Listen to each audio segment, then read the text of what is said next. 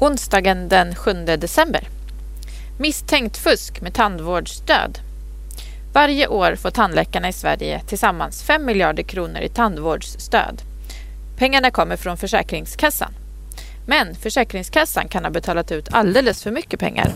Det kan handla om en miljard kronor om året som betalats för mycket.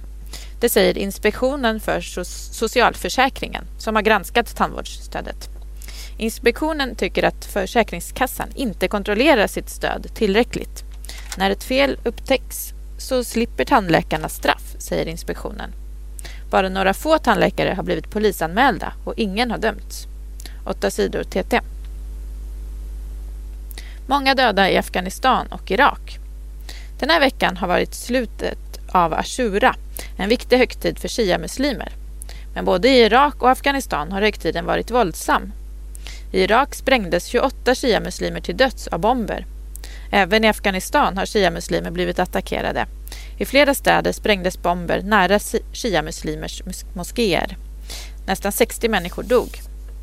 Experter vet inte riktigt vilka som kan vara skyldiga till sprängningarna. I Irak har grupperna sunnimuslimer och shia-muslimer bråkat länge. I Afghanistan är det första gången som shia-muslimer blir attackerade. Först misstänktes talibanerna, men de har sagt att de inte ligger bakom sprängningarna i Afghanistan. Experterna tror inte heller att det är talibanerna.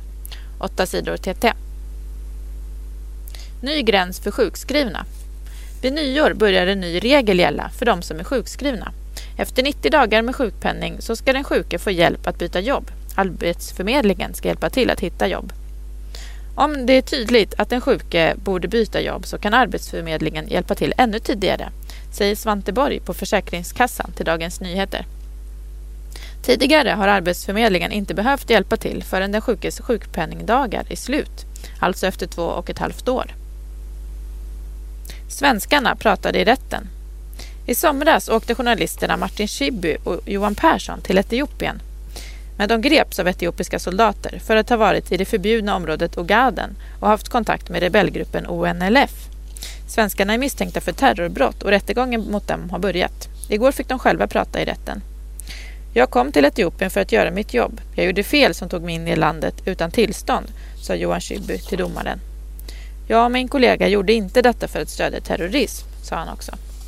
Svenskarna säger att de kom till Etiopien för att granska det svenska oljeföretaget Lundin Svenskarnas advokat Thomas Olsson är nöjd. Domaren och åklagaren verkar mer intresserade av Lundin än om Schibbye och Persson är terrorister. Det visar att det inte finns några bevis mot svenskarna, säger Thomas Olsson. 8 sidor TT.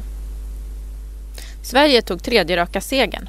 Sverige spelade igår, tisdag, sin tredje match i handbolls-VM. Det blev också den tredje vinsten i mästerskapet. Svenskorna vann mot Uruguay med 31-14. Ändå var förbundskaptenen Per Johansson missnöjd med matchen.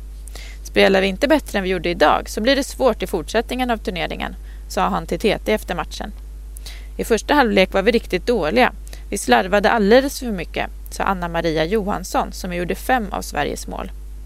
Det är två matcher kvar i gruppspelet. Då ska Sverige möta Danmark och Kroatien som är mycket svårare motståndare än de som Sverige har mött hittills i VM. Blir det seger i de två matcherna så vinner Sverige gruppen. Då får Sverige en lättare motståndare i åttondelsfinalen. 8 sidor TT. Åtal för mordplaner mot Vilks. På tisdagen blev tre män åtalade i tingsrätten i Göteborg. Männen är misstänkta för att ha planerat att döda konstnären Lars Vilks.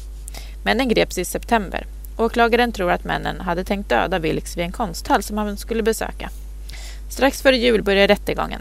Männen säger att de är oskyldiga. 8 sidor TT.